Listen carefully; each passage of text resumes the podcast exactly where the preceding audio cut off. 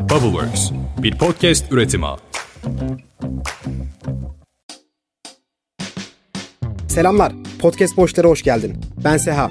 Ben de Atakan. Yeni Nesil Medya Girişimciliği serimizin ikinci bölümüyle seninleyiz. Bu bölümümüzde çoğumuzun aşina olduğu Barış Özcan'la 111 Hz, Fularsız Entellik, Karanlık Dosyalar, Deniz Göktaş'a ayıracak vaktim yok gibi ve burada sayamadığım hatta saymaya vaktimin yetmediği birçok şovu üreten podcast ağı Podbi Medya'nın kurucu ortağı Can Dost Bayraktar bizlerle. Hatta biz de Can Dost'tayız. Podbi'nin Galata'daki stüdyosunda bu kaydı alıyoruz. Hoş geldiniz. Ayağınıza sağlık. Çok memnunuz tabii ki sizi burada ağırlamaktan. Beni konuk aldığınız için de size ayrıca teşekkür ederim. Daha önce Atakan'la birkaç dijital ortamda muhabbetimiz, sohbetimiz, belirli panellere katılımımız olmuştu. Ama sonunda başardık ya bunu galiba. Evet evet.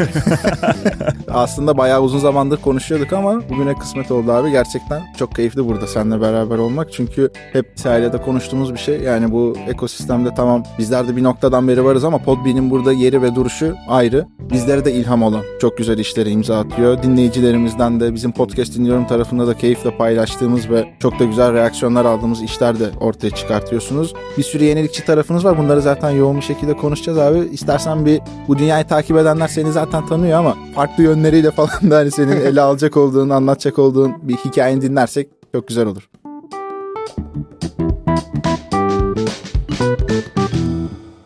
Ben şöyle yaklaşım kendimi tanıtırken bir X ve Y akslarını düşünelim. X aksı zaman olarak değerlensin. Dinleyicilerimiz de hayal gücünde canlandırsınlar. Y aksı da biraz daha benim kendi kişisel gelişimim üzerine düşünülebilir. Ben aslında bu geçirdiğim zaman dilimi içerisinde kişisel gelişimimin ne kadar ilerlediğini, neler yaptığımı, neler yapabileceğimi hep görmeye çalışıp geçmişe dönüp bakıyorum. Yani bundan 5 sene önce o neredeydi benim gözümde? Daha aşağıdaydı büyük ihtimalle. Şimdi daha yukarıda. O her sene veya her zaman diliminde yukarı gitmeye isteği var. Bunun ne zaman daha böyle sabit ya da böyle aşağı doğru düşme eğiliminde olduğunu görsem hemen orada bir aksiyon alıyorum aslında. Kendim hep bunu yaparken fark ediyorum. Ben Van'da büyüdüm. İlkokul, ortaokul, liseyi Van'da bitirdim. Sonra üniversite için İzmir'e geldim. Orada şunu fark ettim. Yani benim kişisel gelişim için farklı bir şey yapmam lazım. Isaac'le tanıştım orada. Bir üniversite öğrenci topluluğu çok önemli işler yapıyordu o zaman. Isaac Türkiye Genel Başkanlığı yaptım sonucunda üniversite hayatımı bitirirken de. O vesileyle İstanbul'a geldim. Sonrasında bir kurumsal şirkette brand marketing yaptım bir 5 sene kadar. Sonra da girişimcilik macerası başladı 2013 senesinde. Elektrikli arabaların şarj istasyonlarını kurduk tüm Türkiye geneline. Zaten şu anda Sabancı Holding bünyesinde Enerjisay'a bağlı bir şirket oldu. Enerjisay'a sattık şirketi. Sonrasında DigiGuardians diye bir şirkette ortaklık yaptım. O aslında internet üzerinde yasal olmayan içerikleri koruduğumuz bir şirketti ve orada da şirketi yurt dışına açtık. Çok güzel bir dönemdi benim için. Bu sayede biraz medya ve eğlence işine de girmiş oldum. Sonrasında Podbee geldi 2020 senesinde. Şu an zaten siz de sağ olun. Çok güzel iltifatlar ettiniz. Teşekkür ederim. Ne demek abi? Olanı söylüyoruz. Olmasa söylemeyiz yani. Çok sağ olun. Teşekkür ederim. Hep birlikte pazarı büyütmeye çalışıyoruz. Dinleyici sayılarımızı arttırmaya çalışıyoruz. Yeni şovlar üretmeye çalışıyoruz. Amacımız da audio dikeyinde Türkiye'de medya ve eğlence endüstrisine bir dönüşümü tetiklemek. Bunu da bence yapmaya başladık diye düşünüyorum. Aynen öyle abi kesinlikle katılıyorum. Aslında sen bir genel girizgahını yaptın ama Podbee tam olarak aslında ne yapıyor, kime ne sunuyor, dinleyicilere ne sunuyor, markalara ne sunuyor. Burayı biraz daha açabilirsen süper olur. Çünkü podcast ağları, üretim ağları vesaire hani yeni kavramlar daha iyi tanımış anlamış oluruz. Podcast üretim tarafında çok farklı modeller geliştirilebilir. Sonucunda tek başımıza işte üçümüz şu anda bir kayıt alıyoruz ve bunu hızlı bir şekilde yayına alma imkanımız var. Ancak bu dikeyde bir dönüşümden bahsediyorsak bunun daha farklı ele alınması gerekiyor. Bir, yaratıcıların gelir elde edebilmeleri gerekiyor. Bu işe emek sarf eden herkesin çabalarının karşılığında bir sonuç elde etmesi gerekiyor. Aslında o yüzden bu tip networkler ya da yapım ağları var. Hem pazarda yeni içerikler üretmek, yeni içerikleri sunmak, yatırım yapmak yaratıcı endüstri, yaratıcı ekonomiyi desteklemek ve büyütmek amacıyla kuruluyor. Bizim aslında Podbi Medya olarak amacımız o demin de bahsettiğim bir dönüşüm ve bu medya ve eğlence endüstrisinde yer alıyoruz. Buna göre yatırımlarımızı da yapıyoruz. Yani belki birazdan bahsederiz. Podcast dizilerimiz var. Biz çok önemli olduğunu düşünüyoruz. Özellikle eğlence endüstrisinde Türkiye'de kendi coğrafyamızda da bunun çok önemli bir yeri olacağını düşünüyoruz. Dediğim gibi onların detaylarına belki ileride gireriz. Podbi Medya hem yaratıcılarıyla hem de dinleyicileriyle birlikte güzel bir şekilde büyümeye devam ediyor. Evet abi süper vallahi teşekkür ederiz. Podbee medya hikayesinde gerçekten çok böyle çeşitli şovlar üretiyorsunuz. Birbirinden farklı ve eğlenceli diyebileceğimiz. Burada da sıkça aldığınız böyle tepkileri, insanların böyle garip karşıladığı konular neler senin tarafında? Kayda girmeden önce de konuştuk aslında bu tip şeylerden. Ben ama şunu duymadığıma en azından çok seviniyorum. Yani birçok konu var burada açıp konuşabileceğimiz ama bunların hepsini duymak aslında doğru, normal şeyler. Yani yanlış bilen bir, bir insanın yanlış bildiğini hissetmek ve bunu düzeltebilmek bence çok önemli. Ama şunu duymadığım için mutluyum. Podcast nedir? Yani bu artık gelmiyor. hemen hemen hiç yok. Özellikle markalar, ajanslar, gerek kreatif gerek medya satın alma ajansları olsun. E, bunu duymadığımız için çok mutluyum. Ve şunu da fark etmeye başladım. Artık özellikle ajanslarda buranın bir mecra olduğunu görme ve buna göre nasıl içerik üretilebileceğini düşünme hatta bize fikirler getirme noktasında güzel şeyler oluyor. Ve bu pazarı eğitme dediğimiz anlamda siz de bunu birçok markayla, birçok ajansla yüzde yüz yaşıyorsunuz. Ortak duygularımız zaten benzer Aynen. noktalarda da buluştuk demin de konuştuğumuzda. Bunu hissetmek çok güzel bir şey. Aslında ya bu soru yanlış soru dediğim şey doğru olmayan soru duymak beni o yüzden mutlu ediyor. Zaten pazar yavaş yavaş bir noktaya gelmiş. Aralarda hala demek ki boşluklar var. O ve onlar sorularla çıkıyor ortaya. Bunu yakalayıp hemen düzeltmeniz gerekiyor. O soruların çıkmasını ben o yüzden çok değerli buluyorum. İyi ki de çıkıyorlar. İyi ki de o sorular bize geliyor. Bu sayede aslında çok daha doğru bir şekilde pazarı kurmuş oluyoruz. Aynen abi bize bir ara sürekli gelen bir şey vardı. İşte bu boş işlerin hikayesinde de şey var. Yani girişimcilik boş işler arkadaşlar bırakın bunları falan gibi bir yerden gelen bir nazire yapma yaklaşımı var. Sonra biz benzer kişilere ya şimdi podcast işine girdik dediğimizde nerede yayınlanıyor ya bu falan dediler. İşte dedi ki Spotify'da dediler ki e şimdi de şarkıcı mı oldunuz falan gibi böyle geyikler vardı. Sonrasında ardından da şey geldi. Ya bir de YouTube'a da girsenize ya. Falan. Oraya da atın ya sesi. Aynen bir podcast falan yapın gibi bir şey vardı. Aslında çok farklı işler yani siz de tahmin ediyorum benzer yorumlar alıp o şeyi yapıyorsunuz, evet, yaşıyorsunuz. Yani aslında bu podcast ya da videoyla beraber bunu birleştirme işi önemli bir konu bir taraftan. Takip ettiğimizde bir konu. Hı hı. Belki işte stüdyoyu biraz daha görsel olarak da farklı konularda kullanabilmemizi istememizin sebeplerinden bir tanesi de belki bu olabilir. Ama şu anda bizim hep böyle radarımızda olan eminim sizin de böyle hep gözlemlediğiniz, takip ettiğiniz bir konu. Ne olabilir, ne yapılabilir e, vesaire gibisinden. Ama işte Spotify şu anda Amerika'da ve belirli ülkelerde, Amerika başta olmak üzere belirli ülkelerde tüm podcasterları açtı. Hı hı videoyla yayın üretme alanını. Önemli bir gelişme. Yani bu demek ki yavaş yavaş tüm dünyaya yayılacak. Spotify bununla ilgili bir şeyler yapacak. Diğer platformlardan da belki benzer bir durum göreceğiz. Ya da YouTube'un RSS feed destekleyeceğim demesi ve podcastleri kendi platformunda host edebilecek olması ve hatta aynı kendi YouTube platformunda olduğu gibi dinlenmeler üzerinden ödemeler gerçekleştireceğini belirtmesi çok önemli bir atılımdı. Çok çok önemli bir şey. Bu bütün yaratıcı ekosistem için çok çok kritik bir adım. Çünkü neyi görüyoruz? Yani yaratıcılardaki temel şey belki biraz konuyu farklı bir yere çektim ama şu o aklıma geldiği gayet için. Gayet güzel bir yer. Konu, bu seride konuşmak istediğimiz evet, yer bayağı. evet. Yani yaratıcılarda şu çok net var. Burada bir gelir projeksiyonu görmek çok zor.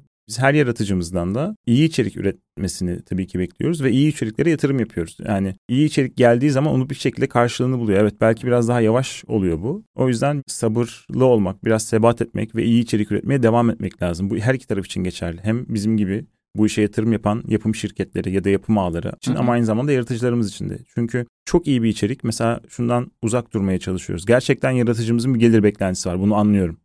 Görüyorum mesela bir toplantı yapıyoruz. Gelir beklentisi var. Bunu çok net çiziyorum. Yani gelir beklentisi seviyen bugün karşılanmayabilir. Bu işe biz beraber giriyoruz. Biz de buraya yatırım yapacağız. Biz de buraya efor sarf edeceğiz. Belki 6 ay sonra bir zaman ulaşacağız ama belki bir sene sonra da ulaşabiliriz. Yani bu senin için okey mi? Dolayısıyla aslında okey olmadığını hissettiğimiz zaman zaten yapmıyoruz. Belki çok iyi bir iş olacak. Yani ama 5 bölüm 10 bölüm bir şey yapıp ondan sonra da geri çekilmek de hoşumuza gitmiyor.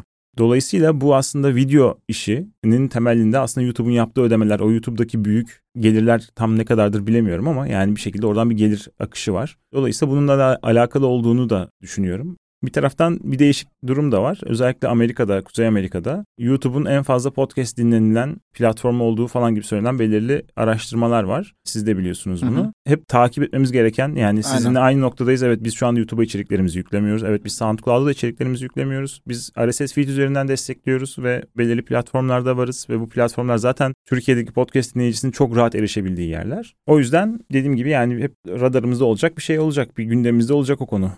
İlgileniyorum. Çok pardon. Siri açıldı. Tutamadım demin. Ha, şimdi. Neyle ilgileniyorsun diye. o, da, o da YouTube süreciyle ilgileniyor herhalde.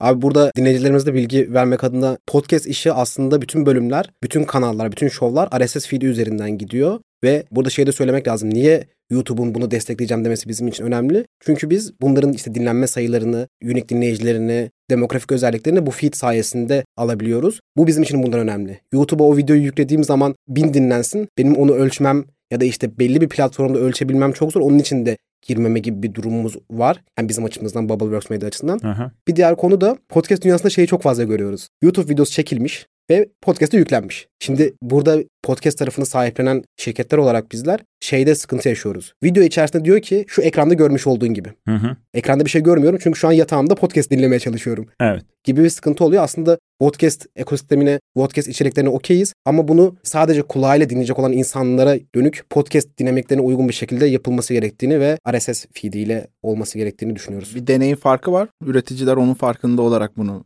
yapıyor olması çok önemli.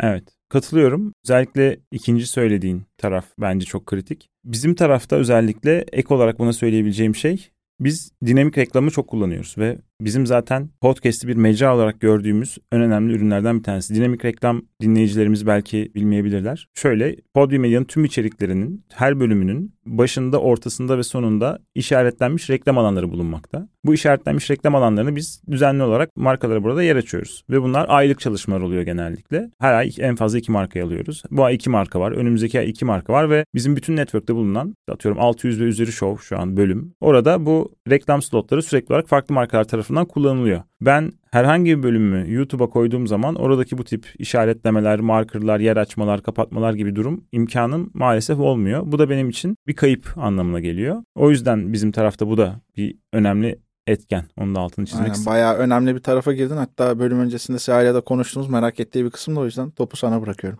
Çok net oldu gerçekten o reklam bandı tarafı. Niye bunu istediğimiz. Bir diğer konu da abi burada şimdi şirketlere podcast diye bir şey anlatıyoruz. Bilen oluyor, bilmeyen oluyor. Burada bir reklam modeli olduğunu ve reklamcılığı anlatıyoruz. Podcast reklamcılığını. Podbi Medya'da da işte dinamik reklamlar, e, branded içerikler, birçok reklam modeliniz var. Bunu firmalara anlatırken neler yaşıyorsunuz? Oradaki süreç nasıl ilerliyor? Yaklaşımlar nasıl? Biraz oradaki deneyimini de alabilirsek süper olur. Ben onu hemen bir de ek yapıyorum abi. Dinleyici tarafından da nasıl bir reaksiyon oluyor? Onu da bir noktada bağlarsak süper olur. Şimdi şöyle bu işi en başta hiç bence duymamışlardı veya çok az duymuşlardı. Açık konuşmak gerekirse hani buradan kendisine de bir selam göndereyim. BMW'nin pazarlama direktörü Can Mete Paker. Kendisi hakikaten çok iyi bir podcast dinleyicisiydi. İlk görüşmeye gittiğimde kendisiyle tanışıyoruz daha öncesinden de ama bu podcast ile alakalı ilk görüşmeye gittiğimde bu tip üst düzey, orta düzey yöneticileri markalarda bulduğunuz zaman işiniz çok kolaylaşıyor. Kesinlikle. Yani Aynen ben öyle. zaten mecrayı biliyorum, gücünü biliyorum, dinlemiş biliyor ve zaten istekli bir taraftan da. Bu tip insanlarla tanışma imkanı bulduğunuz zaman iş kolaylaşıyor. Hiç bilmeyenle karşılaştığınız zamanlar oluyor. O zaman tabii ki o biraz daha süreç alıyor, anlatmak gerekiyor. Ama bırakmamak da gerekiyor. Çünkü mecrayı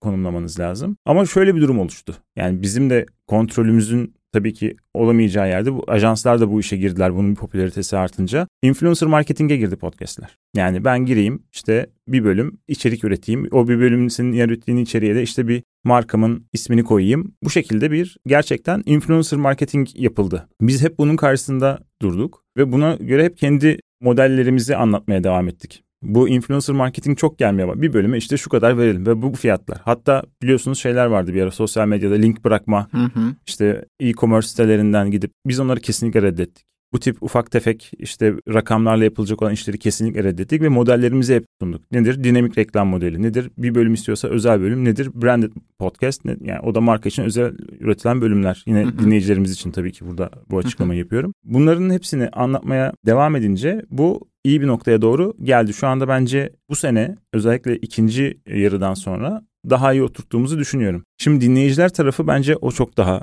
kritik bir konu. Markalar tarafını zaten biz biraz daha kapalı bir yerdeyiz ama dinleyicilere he- herkese ulaşma imkanımız ve herkese derdimizi anlatma şansımız yok. Şimdi reklamlardan rahatsız oluyoruz diyenler var. Biz de yani şu anda hepimiz Onlar bir gelsinler bakalım Evet. buraya. yani şöyle bir şey var. Hepimiz televizyon izliyoruz yani. Televizyonda da reklam var. Aynen öyle. YouTube'u da izlediğiniz zaman premium değilseniz reklam var. Ücretsiz bir kontenti reklamsız izleme gibi imkanımız yok. Maalesef. reklamsız içerik yani tüketme gibi bir opsiyonumuz yok maalesef. Bazı eleştiriler, haklı eleştiriler var. Yani reklamın girdiği yer, özellikle bizim dinamik reklamlarımızın girdiği anlarla ilgili bazı eleştiriler olabiliyor. Onları zaten toparlıyoruz, haklı veriyoruz ve durumlar var ama reklamsız içerik tüketmek gibi bir durum söz konusu değil. Ben bunun hem anlaşıldığını düşünmeye başlıyorum. Bir de tabii Hı hı. ki mecraya yeni gelen insanlar da oluyor artık Aynen. o yeni gelen insanların adaptasyon süreci de daha farklı olacaktır. Yani podcast iki senedir dinleyen insan var. Şu anda bir aydır dinleyen insanlar var. Bunları da bu dinleyici kitlesi büyüdükçe herkes birbirini eğitecek ve anlaşılır hale gelecek diye düşünüyorum. Aynen abi. Orada biraz aslında şeyin farkında olmak gerekiyor. Yani bu reklamda hani siz de oradan bunu mu yaşıyorsunuz bilmiyorum ama en büyük sıkıntı şey tabii yani sohbetin en belki de mesela şu an gibi Evet. böyle canlı olduğu ve En acaba şimdi yerde. aynen hani bu ne diyecek ama reklamı zaten marka açısından da beklentisi orada. Yani sonuçta biz de şeye bakmak zorunda kalıyoruz. Yani orada retention'ın en yüksek olduğu yer neresi? Marka da orayı istiyor. Sen de o reklamın etkili olması için onu vermek zorundasın. Hep de girişimcilikte şey konusu vardır ya bir ürüne eğer sen para vermiyorsan o senden bir şeyler alıyor olması lazım yani Aynen. bir şekilde. Böyle bir iletişim var yani bunun da çok güzel söyledin yani televizyonda olunca işin doğası olan bir şey ama bu podcast'te de gün geçtikçe oturuyor yani ve yeni gelenler için de biz de aldığımız yorumlarda çok da abeste karşılanmıyor ama evet yani bazı dinleyiciler rahatsız oluyor. Bu arada niye rahatsız oluyorlar tarafında da değilim yani kimse reklamı çok çok sevmiyor ama bu işlerin de bir noktada gelir modellerinden bir tanesi de olmak zorunda oluyor yani. Ben bir tık reklam dinlemeyi seviyorum ya. Seha'nın öyle bir huyu var. YouTube'u da premium kullanmıyor mesela. YouTube'da reklam geçmem sonuna kadar dinlerim. Abi çok iyisin. Ve satın alıyorum. Ya bir şirketin isteyeceği profilim tamamen. çok iyi. Burada bir de marka tarafındaki beklentiler demin ajanslar ve marka tarafına da girmiştin ya. Burada abi hazır bir araya gelmişken neden podcast veya podcast nedir konuları gün geçtikçe daha az geliyor ama halen de işte marka tarafında, brand ekiplerinde, kurumsal iletişimde ya ben bu konuyu podcast'te neden anlatmalıyım veya bunun bir tık ötesi ne doğru geçmiş durumdayız. Nasıl anlatalım? Nasıl yer verelim? Bir kanal mı açalım bunun için yoksa işte başka bir sizin serilerinizde mi yer alalım? Gibi gibi konular var. Burada ne gibi deneyimler yaşıyorsun ve nasıl bir duruş olmalı? Biz özellikle markanın ne yapmak istediğine bakıyoruz. Amaç burada yeni bir ürün çıkmış ve bu yeni ürünle alakalı bir bilinirlik yaratmak mı mesela hedef? Veya ürünlerim var, bir ürünler satıyorum ve bu ürünlerin satılma adetlerini arttırmak mı istiyorum? Mesela bu bizim için bir brief ve bir ürünle meç eden bir şey. Ben bir e, fintech'im zaten pazarda iyi bir gücüm var bunu biliyorum ama konumlanmamı diğerlerinin daha ötesinde sağlamak istiyorum, gerçekleştirmek istiyorum. O başka bir öneri. Hı hı. Ve tabii ki ben yine işte bir marka olarak artık kendi topluluğumu yaratmak istiyorum. Daha ileri seviyedeyim. Zaten artık kapasitem belli ve buna göre bir yerde konumlanmak istiyorum. Yani markadan gelecek olan brief'e göre biz aslında bunu yönlendiriyoruz. Tabii ki bunların her birinin bütçeyle çok büyük bir ilgisi var. Bu işin devamlılığının yapılabilmesi anlamında önemli bir etkisi var. O yüzden markadan mecrada yer almaktan ziyade yaptığı yıllık aktivitelerin içerisinde biz nasıl konumlanabiliriz, nasıl yer alabiliriz aslında daha çok değerlendirmeye çalışıyoruz. Hatta bazen marka tamamen şey de olabiliyor, kararsız da olabiliyor. Yani ben bunu yapacağım ama şunu da yapacağım. Bu da var. Biz o zaman önce şöyle yapalım, sonra bunu yapalım. Yani adım adım markayı mecraya entegre edebiliyoruz aslında.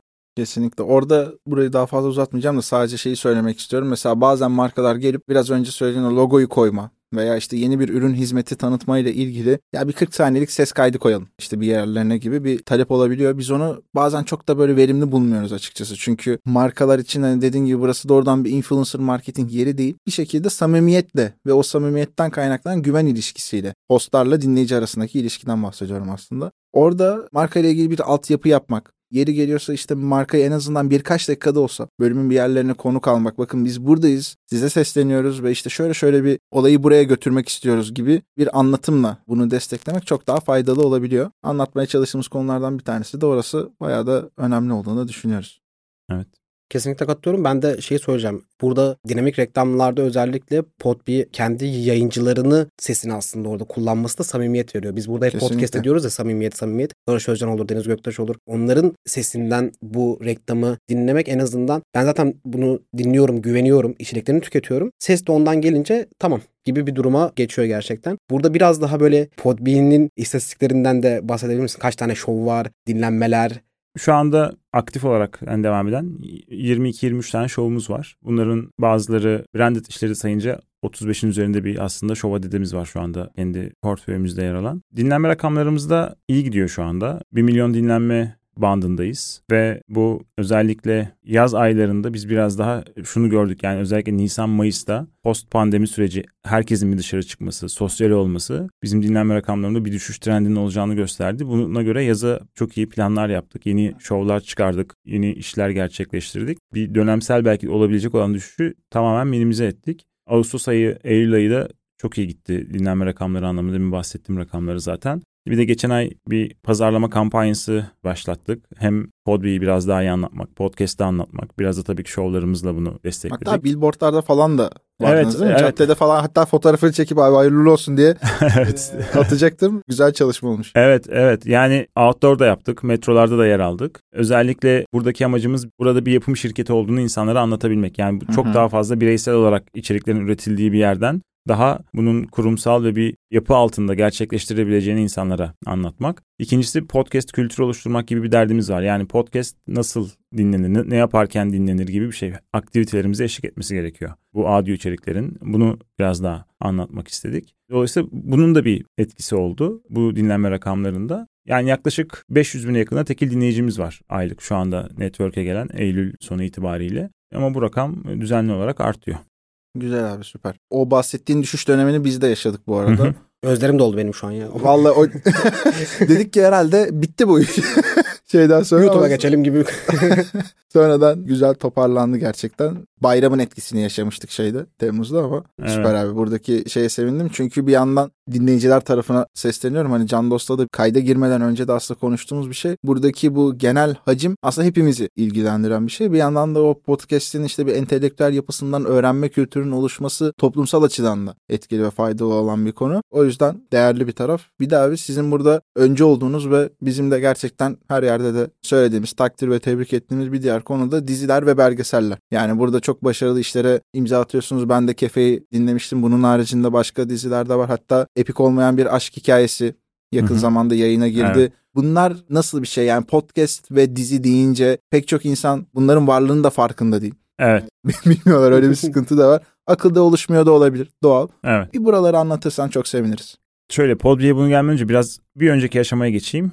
Ben bir önceki işimde biz belirli filmlere yatırım yaptık. O zamanki işte ortağım Gujan'la beraber. Ve yatırım yaptığımız zamanlarda şunu gördük. Ülkemizde çok iyi hikayeler var. Hı hı. Ve bunlar aslında kendilerini doğru yerleri, doğru mecraları bulamıyorlar. Burada kimseyi eleştirerek bunu söylemiyorum. Tabii ki herkes kendi önceliklerine göre belirli içeriklerin yapımına yeşil ışık yakıyor ve bu içerikler yapılıyor. Bu sinema filmi olabilir, diziler olabilir vesaire. Dolayısıyla bu içeriklerin podcast dünyasında çok iyi yer alabileceğini düşündüm. Ve buna göre biz dedim ki burada podcast dizileri yapalım. Zaten radyo tiyatrosu eskiden beri bizim annelerimizin, babalarımızın, bizden daha büyük kişilerin çok beğendiği ve severek anlattığı bir şey. Bunu ama daha aslında güncel hale bir dizi tecrübesi yaşatalım insanlara. Çünkü Hı hı. biz o kadar radyo tiyatrosunu bilmiyoruz ama dizileri çok iyi biliyoruz. Yani hayal gücümüzde şu anda bizi dinleyenler hayal etsinler. Burası nasıl bir stüdyo olabilir? Biz nasıl insanlar olabiliriz eğer bizim fotoğraflarımızı bilmiyorlarsa, tanımıyorlarsa? Yani o atmosferi, o dünyayı, her şeyi hayal gücünde yaşatmak bence çok güzel bir şeydi. Ben ilk bu tür bir içeriği dinlediğimde şeye bakmıştım. Başrol oyuncusunun, tanımıyorum başrol oyuncusunu, Google'lamıştım. Baya benim yarattığımdan bambaşka bir kadın çıktı ve çok hoşuma gitti. Benim kafamda yarattığım nasıl birisi ise o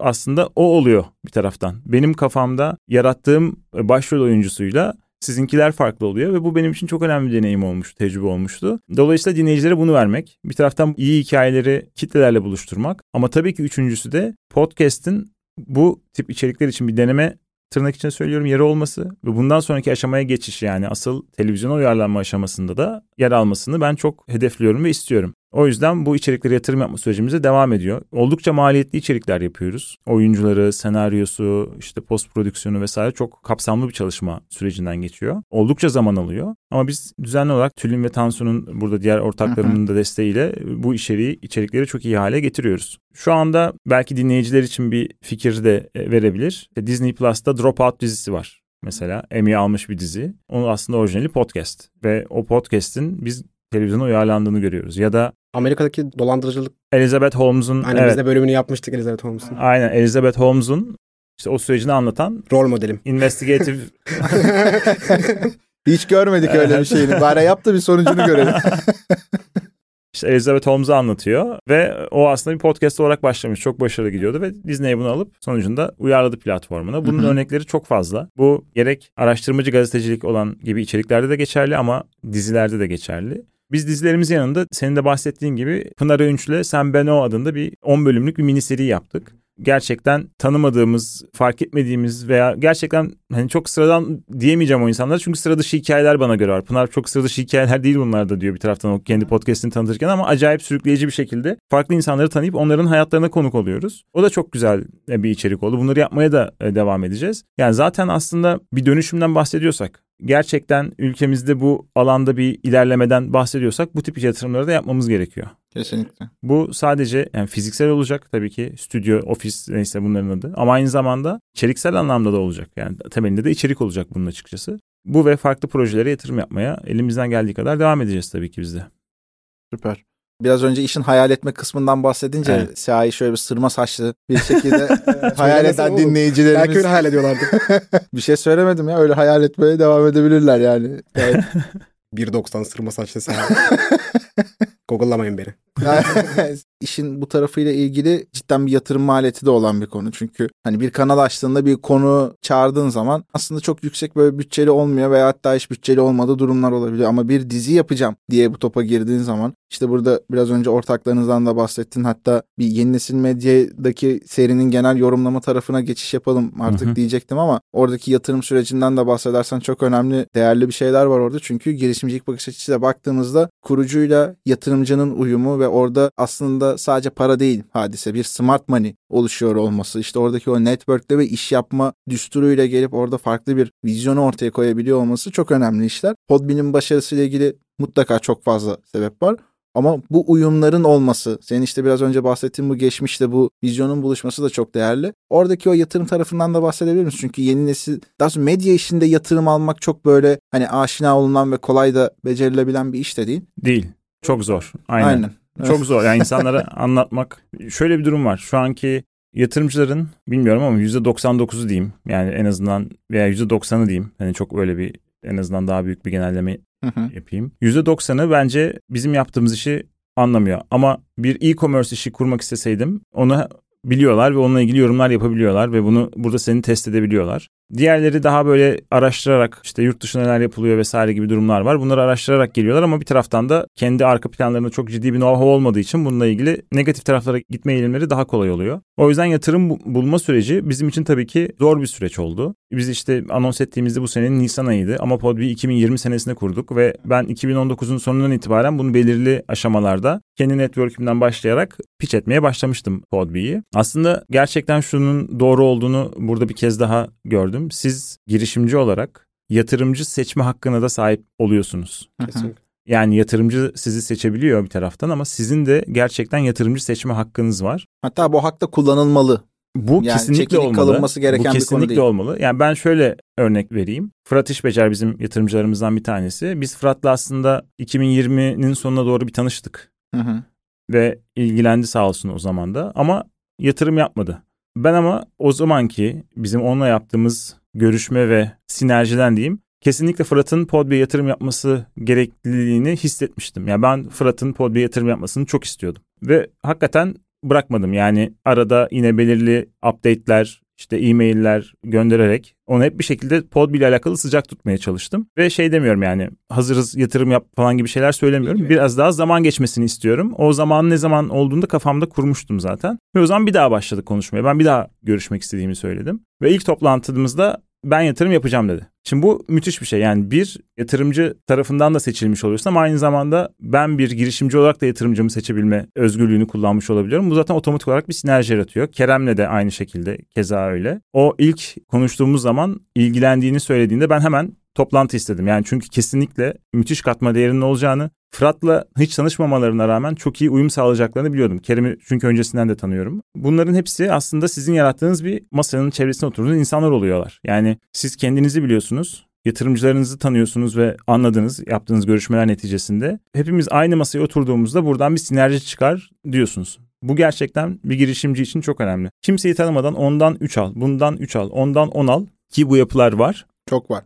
Ben bunu çok sağlıklı, kendim en azından ben bunu çok sağlıklı bulmuyorum. Dolayısıyla şu anda çok iyi bir noktadayız. Gerek kendi şirket ortaklarımız, Tülin, Tansu, ben, gerek yatırımcılarımız Kerem ve Fırat. Umarım bu sayımız daha da artacak. Evet gerçekten şey kısmını bir yatırımcıdan yatırım alma kısmını çok iyi anlattın. Orada bir insan ilişkisi olduğunu ve işte gel sen bana 5 ver sen bana 3 verden çok daha farklı bir şey olduğunu güzel anlattın. Yani bu aslında belki bu işlerin başka bir e, bölümünde konuşulacak Kesinlikle. bir konu da olabilir. Ben bu konuda da hem o tecrübemi de anlatmak isterim. Hı hı. Çünkü beni reddeden insanlara da teşekkür etmem lazım. Çünkü reddeden insanların neden reddettiğini anlamak da çok önemli. İnsan yani orada inanılmaz bir psikolojiye bürünüyor. O reddi almak çok yıkıcı bir şey oluyor. Benim için en azından öyle oluyor. Ama şimdi düşününce onların içerisinden çok aslında olumlu şeyleri de aldığımı da gördüm. Yani aldım ve buna göre bir sonraki toplantılara hazırlandığımı da gördüm. Maalesef ama Türkiye'de şey limitli. Gideceğiniz yer sayısı limitli. O yüzden kurşunları çok dikkatli kullanmak lazım. Belki de o anlamda biraz da şanslıydım tabii. Yani o zaman bir sonraki seride bir yatırımla ilgili seride planımız Olur. var abi. Orada sen, Fırat, Kerem şeklinde oraya yazdık listeye. Tamam. Okey. Ya bu konulara kadar daha fazla girmeyelim kendimi tutamıyorum. Çok fazla şey sorasım geliyor. Onun için seriye de biraz böyle şey yapalım. Aynen süre olarak artık yeni nesil medya kısmını konuşmamız gereken. Yani konuşuyoruz zaten de. İşin diğer tarafına doğru adım atmamız lazım. Ama girmeden önce son bir ufak şeyimiz var. Ya sor tamam. Yok sadece şey ya Podbean'in gelecek hedefi. Aslında bir kısmına da değindi. Değindin ama Ama eklemeler varsa alalım abi. Yani burada biz Türkiye'de gerçekten ses dikeyinde bu bahsettiğim eğlence ve medyada bir dönüşümü başlatacağız. Bu kesin. Sonrasında bunu kendi coğrafyamız... Bence başlatmış durumdasınız Evet zaten. yani Ama o disruptive yapıyı daha evet, da daha da büyüyecek. Aynen öyle. İkincisi kendi coğrafyamızda bu tip içerikler üretmek ve bunları dönüştürmek gibi hedeflerimiz var. Özellikle Arapça çok yoğun kullanılan bir dil dünya genelinde de. O yüzden biz de yakınız sonucunda böyle bir durum olabilir. Tabii ki İngilizce içerikler üretmek, kendi içeriklerimizi özellikle diziler, özellikle işte belgeseller, özellikle araştırmacı gazetecilik taraflarını daha da farklı dillerde yayına almak gibi düşüncelerimiz var. Yani burada gerçekten önemli bir oyuncu, bir disruptor olmak gibi bir hedefle çalışıyoruz. Anladım abi süper. Bizim de aslında hedeflerden bir tanesi hep bu global içerikleri üretmekti. Şansımıza başlangıçta çok da güzel böyle Almanya'dan, Korsan'ın global ayağından gelen işler oldu ama sonradan onlar gitti. Orayla ilgili bir şeyimiz yok, sorunumuz yok da bireysel olarak da bir üretime girelim dediğimizde gerçekten ne kadar zor bir şey olduğunu gördük. Yani doğru kişileri bulmak, onu böyle gerçekten o üslubuyla konuşmayı becerecek kişiler işte bunu nereden nereye nasıl hedefleyeceksin falan. O yüzden zorlu bir yolculuk. Biz de daha arayışa yine devam ediyoruz. Başarılar diliyorum o kısım Evet. içinde. kendi ülkenizde benim gördüğüm, kendi bulunduğunuz daha doğrusu pazarda diyelim. Bir şeyleri başarmadan, bir şeyleri elde etmeden, burada artık belirli şeyler sabit olmadan bence yurt dışına açılıyoruz demek. Evet güzel bir hikaye anlatımı gibi olabilir ama çok mantıklı gelmiyor en azından kendim için. O yüzden önce kendi ülkemizde bir disruptor olmamız gerekiyor. Bunu bir disruptor olarak konumlayalım ve bunu olabildiği kadar hızlı yapalım ki diğer bahsettiğim planları da gerçekleştirebilelim. Birçok yerde bu oluyor. Evet yani bir proje gelir. İşte senin demin bahsettiğin gibi. Evet Tabii o tabii, proje üzerinde şey. yapılabilir. O başka bir şey ama ben çıktım ben artık Almanya'da açılacağım. Almanca içerik üreteceğim. Gerçekçi Almanya... de değil zaten. Yani kapasite her şey. Bunu gerçekten tecrübe etmemiş bir girişimci bunu bence bu şekilde söyler ve direkt zaten hani yatırımcılar bunu görüyorlar bu taraftan da. Hani arkadaşlarıma da net bir şekilde söyleyeyim. Yani yurt dışına açılma e, öyle bir şey değil. öyle bir şey değil yani. Yani bunu zihin yapısı olarak ortaya koymak başka bir şey ama ben işte şöyle açıldım böyle yaptım diye anlatmak başka bir şey yani. O bir yerden sonra şeye dönüyor. Ben Almanya'ya açılacağım demek eşittir. Almanya'ya reklam vereceğime dönüyor. O aslında öyle bir şey değil gerçekten. Almanya'da oradaki kitlenin ihtiyacını anlamak, orada belki yerel bir şeyler yapmak gibi çok zorlu şeyleri Evet. var. Tabii tabii yani şey gibi biraz böyle yatırımcıyı vurmak için işte bazı girişimler şey yapar işte biz yapay zeka, machine learning ve blockchain birleşim falan gibi böyle bütün havalı terimleri bir yandan da bunu metaverse'te pazarlayacağız gibi şeyler de duyuyoruz. Ona benzer bir yapı. İkna oldum ben ya. ben dur bir bankaya gidip geleyim ya. Abi şimdi yeni nesil medya girişimciliğinden ne anlamalıyız? Burada böyle sence kargaşa yaratan noktalar neler? Böyle net bir yapı ortaya koyma şansımız var mı? Daha merkeziyetsiz bir düzen. Daha yaratıcı odaklı, daha yaratıcı sentrik bir düzen. Benim anladığım bu. O yüzden yeni medya ya da yeni nesil kuruluşlar bizim yapımızda da benzer bir şey var. Yani evet Podbean'in bir marka olması önemli, büyümesi önemli ama gün sonunda biz creator, yaratıcılarla aslında büyüyen bir organizasyonuz. Yeni nesil medyanın da ben böyle olacağını düşünüyorum. E ne kadar fazla yaratıcı olursa, ne kadar iyi nitelikli yaratıcılar olursa bu çok daha bu medyanın gerçekleşmesi veya büyümesi için önemli olacak ama hepimizin konuştuğu aslında temel bir merkeziyetsizlik konusu olduğunu varsayarak ben Hı hı. e, yeni medyanın da bu şekilde ilerleyeceğini ve yaratıcı odaklı ilerleyeceğini düşünüyorum. Bizim ülkemizdeki sıkıntılardan bir tanesi de aslında yaratıcı tarafında henüz buna tam adapte olamamamız var. Terli değil daha olması lazım ve insanların ben bireysel olarak bir yaratıcıyım. Gerçekten kendim özelinde bir şeyler üreteceğim ve bu içerikler kitlere erişecek. Yani nasıl şu anda Twitter'da birçok takipçisi olan insan var. Belki Instagram'da var. işte belki farklı yerlerde var. Yeni medya tarafında da bunun çok ihtiyacımız olduğunu düşünüyorum. Daha fazla. Bu şu anda bence biraz daha az. Instagram'dan ya da Twitter'dan belki bunu Twitter'da da yapabilirsin. Yani bunu farklı mecra illa bir yerde yapmanın önemi yok ama gelir elde edebileceği, işte subscription'lar, üyelikler, abonelikler satabileceği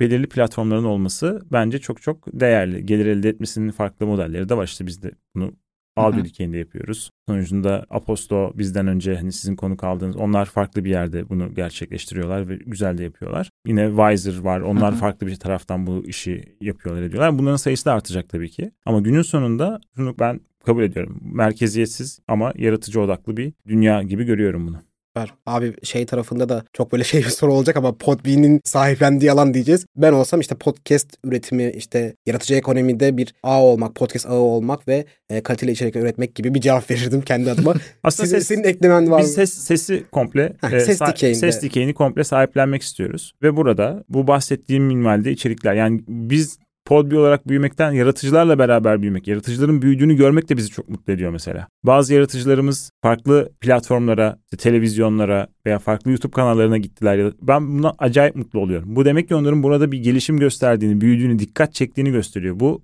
çok kritik bir şey, önemli bir şey. O yüzden bazı yaratıcılarımız bizi büyüttü.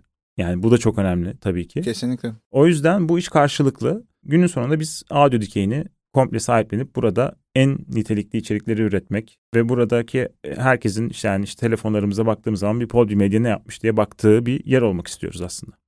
Anladım süper. Bir yandan da burada geleneksel medyayla da hep kıyaslamalar oluyor ya. Bu yapıdan farkları şunlar şunlardır diye bir sıralama yapmak istesen aklına ilk neler geliyor? Aslında deminkiyle benzer bir şey söyleyeceğim yine. Burada merkezsiz yapı var. Yani biz kimseyi burada böyle bir yapının altında tuttuk ve buraya hapsettik gibi bir şey yapamayız. Yani güç aslında yaratıcı da burada. Bizim verdiğimiz onlara sağladığımız destekler, onu daha iyi içerik yapabilmesini sağlayacak tool'lar, materyaller var. Ve tabii ki bir taraftan da topluluk oluşturma. Yani geleneksel medyadaki topluluk oluşturma ile buradaki topluluk oluşturma daha farklı. Daha belki minik olabilir hı hı. ama topladığın zaman aslında daha büyük bir noktaya doğru da gidiyor. Yeni nesil medyada Türkiye'de gördüğün eksiler ve artılar neler acaba? Ya aslında demin söylediğim konulardan bir tanesi yine yaratıcılar tarafı. Bence yaratıcıların bunu biraz daha görmesi gerekiyor. Özellikle bir kurumlarda çalışmaktan ziyade kendi içeriklerini üretmek, kendilerinin ilgi alanları üzerinden belirli şeyler geliştirmek anlamında ben bir eksiklik olduğunu düşünüyorum. Bu daha da artmalı. Bir tarafıyla bu, öteki tarafıyla da aslında kurumlar olarak bizim insanları geliştirmek, eğitmek gibi bir tabii ki bir sorumluluğumuz olabilir ama hep böyle ben işte gazeteciyim, şuraya girdim ya da ben bir eğlence endüstrisi yöneticisiyim. Bir şekilde o endüstriye girip o kurumlar üzerinden çalışarak bir kariyer elde ediliyor, planlar elde ediliyor ama artık şu anda bence üniversiteden sonra hatta üniversite hayatı zamanından itibaren bu tecrübeleri insanlar daha kendilerini konumladıkları yerden daha bireysel olarak da edinebilirler ve edinmeye başlayabilirler, deneyebilirler. Bugün podcast üretmek ne kadar basit hepimiz biliyoruz. Ben yeter ki içerik üretmek isteyeyim.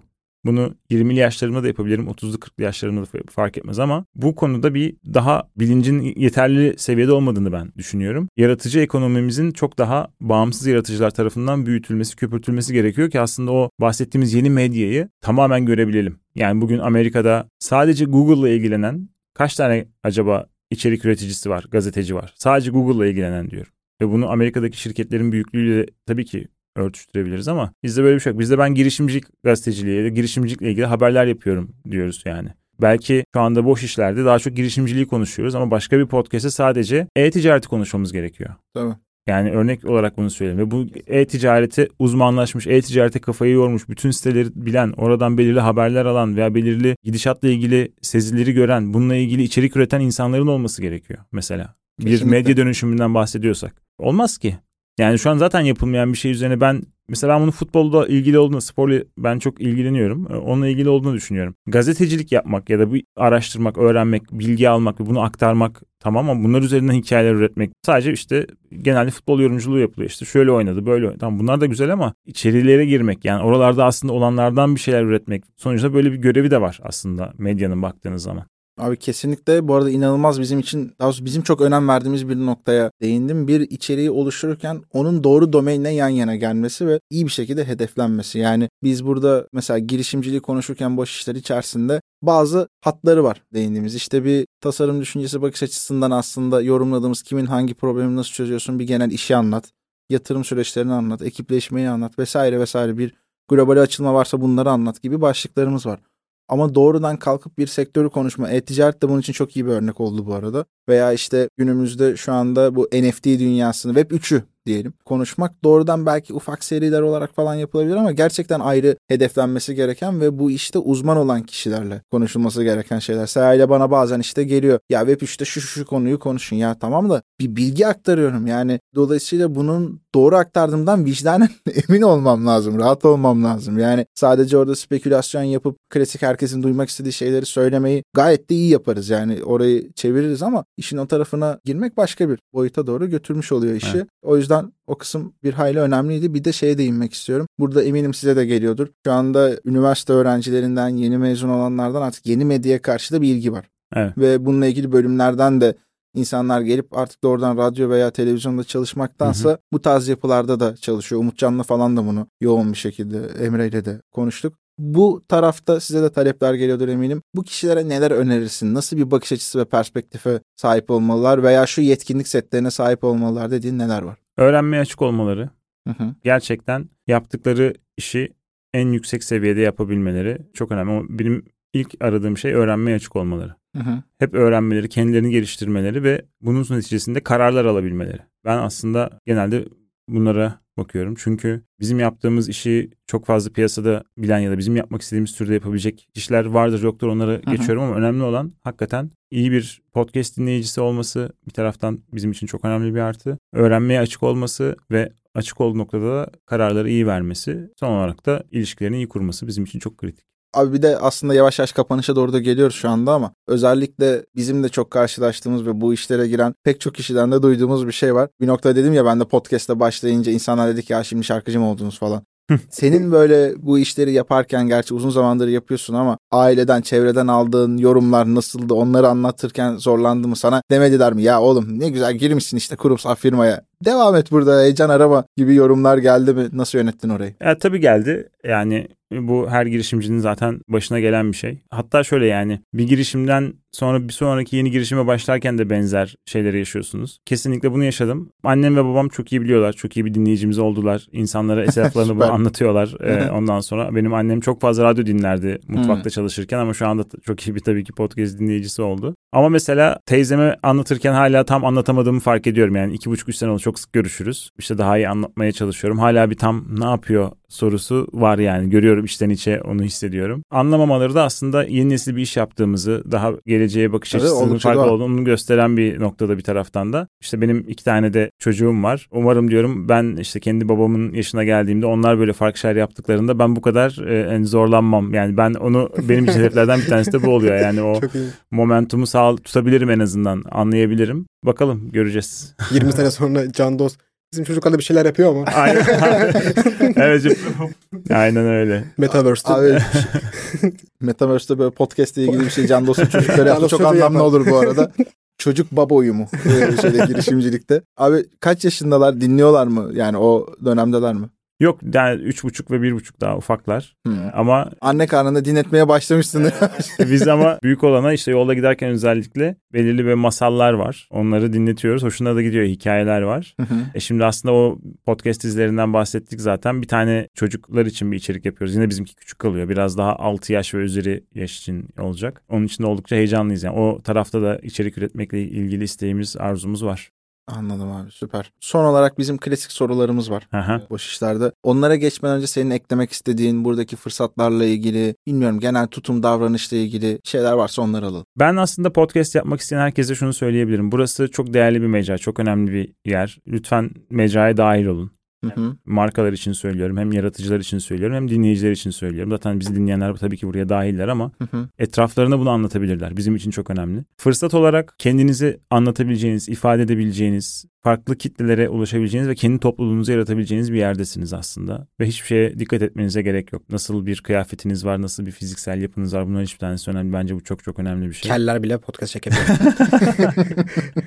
Bir ama şunu yaparken de sabretmek önemli. Mecraya inanın, kendinize inanın. Yani ben 3 bölüm yaptım, 4 bölüm yaptım ve bırakıyorum gibi değil. Aslında göreceksiniz ki yaptıkça, ürettikçe kendiniz yavaş yavaş zaten mecraya doğru kayacaksınız. Sizi böyle bu tarafa doğru çekecek. Toplumunuzda büyümeye başlayacak. O yüzden umarım herkesi güzel hedefleri doğrultusunda, hayalleri doğrultusunda podcastler tarafında güzel hikayeleri, güzel fikirleri, güzel içerikleri olur diye bitireyim. Bilmiyorum Allah abi süper. Ağzına sağlık. Orada bir podcast mezarlığı oluşuyor yer yer biliyorsun ya. Biz Evet. de yaparız E, bunu söylemem da sebep olabilir değil mi?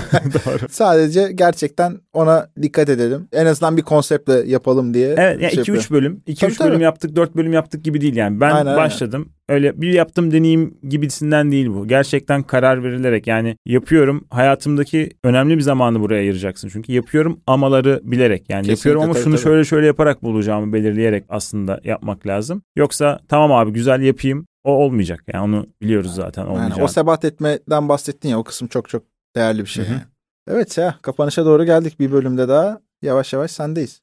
Bizim boş işlerde son iki sorumuz Aha. klasik. Burada dinleyicilerimize tavsiye edebileceğin bir podcast, hobi, metodoloji, kitap olabilir. Senin böyle hayatını değiştiren, sevdiğin. Evet, filmler önereceğim ondan sonra ve bunu da zaten bahsetmiştim bölümde de. Türkiye'de çok iyi hikayelerimiz olduğunu. Herkese Emin Alper'in ve Tolga Karaçelik'in yönettiği ve çıkardığı filmleri izlemelerini kesinlikle öneririm. Beni de çok etkilemiştir. Tolga Karaçelik'in Sarmaşık filmi, Emin Alper'in Abluka filmi. Podbi'yi kurmamıza da vesile olmuş filmlerdir bunlar. Hmm, Türkiye'de Harika. hikaye anlatımının ne kadar önemli olduğu, ne kadar iyi hikayelerin çıktığını bence gösteren güzel örnekler. O yüzden dinleyicilerimizden bunu rica edebilirim. Eğer business'la ilgileniyorlarsa Business Wars Podcast'te yine benim çok beğendiğim ve başından beri Podbe'de hep böyle ilham olarak gördüğüm bir podcast serisi. Onu önerebilirim. Kitap olarak da aslında yine girişimcilikle ilgili bir kitleye hitap ettiğimizi düşünerek Blitzscaling diye bir kitap var. Reid Hoffman'ın kitabı. Reid Hoffman da LinkedIn'in kurucusu ve bence benim en takip ettiğim yani girişimciliğin filozofu. Podcast de çok iyi bu arada. Masters of Scale zaten çok iyi. İşte Greylock'la yaptıkları farklı podcastler de var. Onlar da çok iyi. LinkedIn yaptığı network'te farklı podcastler var. O yüzden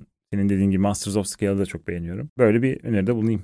Abi valla süper. Geçenlerde de şimdi bir sonraki bölümde yayınlanacak ama Emre ile de şeyi alırken o da dedi ki abi hangi birini önereyim? yani şeyde Wiser'da nasıl yapalım falan Umutcan'la da benzer şey olmuş. Bu seride böyle bir sıkıntı varmış. Sıkıntı- yani sıkıntı bu oldu. geri bildirim çok güzel yönetiyorsunuz. Yani Allah'tan buradaki hem konuk olma hem sohbeti yönetme tarafında çok değerli deneyimleri olan insanlarlayız ama bir kendimize ufak not aldım burada dinleyicilerin önünde söylemiş olayım. Abi biz bu yolculuğa başlarken hep işte bahsettiğim gibi ya bırakın dediler bu girişimcilik işleri boş işler geçin bunları okulunuzu okuyun işinizi yapın dediler. Biz de işte girişimcilik boş iştir diye nazire yaparak bu yolculuğa çıktık bugünlere kadar geldi daha da güzel bir şekilde gitmesini ümit ediyoruz hep beraber. Senin için girişimcilik nokta noktadır diye bıraktığımızda o boşluğu nasıl doldurursun? Bunu da yine Reid Hoffman'ın girişimciliği anlatmasıyla isterseniz. Hı hı. Yani aslında şey hani bir uçurumdan atlıyorsunuz ve yere düşmeden önce bayağı kanatlanıp uçmanız gerekiyor. Bunu daha farklı bir şekilde söylüyor ama ben biraz daha kendi versiyonumu bireysel olarak girişimci tarafından ele alıyorum. O biraz daha şirket tarafından ele alarak onu hani assemble edip bir uçak haline getirip uçurmanız gerekiyor gibi bir şey söylüyordu. Ondan sonra ben bir girişimci için bakarsak hakikaten hepimiz bir uçurumdan atlıyoruz ve çakılmadan o kanatları kurup hemen uçuşa geçmemiz gerekiyor. Bence bu. Valla ağzına sağlık. Çok teşekkür ederiz. Ben teşekkür ederim.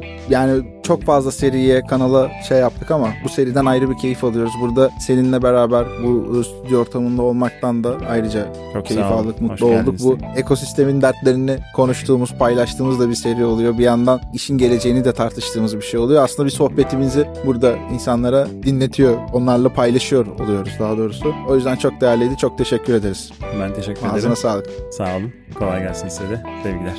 Podcast Boş İşler'in yeni nesil medya girişimciliğini anlattığımız serimizin ikinci bölümünü dinledin. Önümüzdeki bölümlerde görüşmek üzere. Kendine çok çok iyi bak. Görüşürüz.